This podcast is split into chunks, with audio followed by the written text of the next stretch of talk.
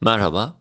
BIST haftanın son işlem gününde gün başındaki geri çekilmeyle test ettiği 4960 seviyesinden tepki yaşadı. Kapanış 5342 seviyesine gerçekleşti. Endekste nispeten hacimli hareketle 50 günlük ortalama bölgesinden tepki yaşanıyor. Bir günlük sarkmanın ardından kapanış yeniden 21 günlük ortalama üzerinde fakat 5 günlük ortalama altında. Yukarı hareketin yeniden güç kazanabilmesi için saatlik periyotta takip ettiğimiz 5450-5500 direnci üzerinde kapanış gerektiğini düşünmeye devam ediyoruz. Dolayısıyla bu aşamada yaşanan tepkiyi olağan, sınırlı tepki olarak değerlendirmek mümkün. Belirttiğimiz direnç bölgesinin aşılabilmesi durumunda yükselişin yeniden güç kazanabileceğini belirtebiliriz. BIST'te 5200-5100 bandı yakın destek, 4960-4926 belirgin zayıflama bölgesi olarak düşünülebilir.